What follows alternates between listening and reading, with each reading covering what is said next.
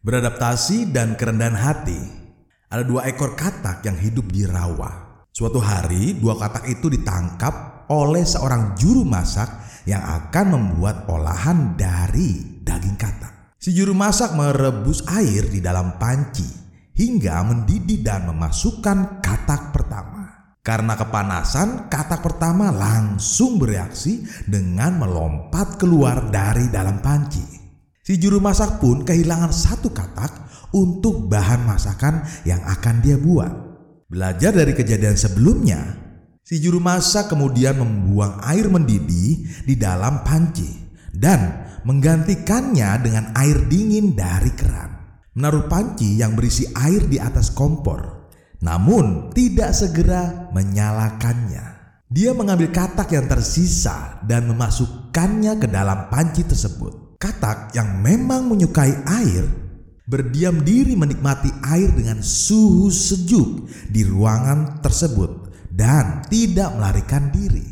Saat kompor dinyalakan dan suhu perlahan-lahan naik, Katak merasa nyaman dan tidak menyadari perubahan di sekitarnya. Katak tidak menyadari bahaya yang mengancamnya dan tetap berdiam diri dengan perubahan di dekatnya. Ketika suhu air terus memanas sampai mendidih, maka akan membunuh si katak dan akhirnya semuanya sudah terlambat. Karena dia terjebak dalam kenyamanan, akhirnya katak itu pun mati. Lalu pertanyaannya, apa yang membunuh katak itu? Banyak dari kita yang akan menjawab air mendidih. Namun, sebenarnya yang membunuh katak itu adalah ketidakmampuan dirinya untuk memutuskan kapan ia harus melompat keluar. Sahabatku, pelajaran bisa kita ambil dari cerita ini adalah terus belajar dan berinovasi.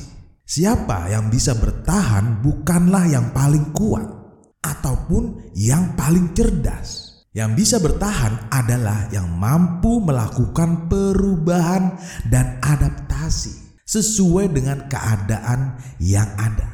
Terkadang kita sombong dengan kemampuan kita Hal ini biasa ditemui ketika seseorang merasa sudah menguasai sesuatu hal dan paling hebat di bidang tersebut. Kita sudah sering melihat perusahaan-perusahaan raksasa besar yang hilang akibat hal ini. Sebut saja Polaroid, Nokia, maupun BlackBerry yang hilang setelah Android muncul.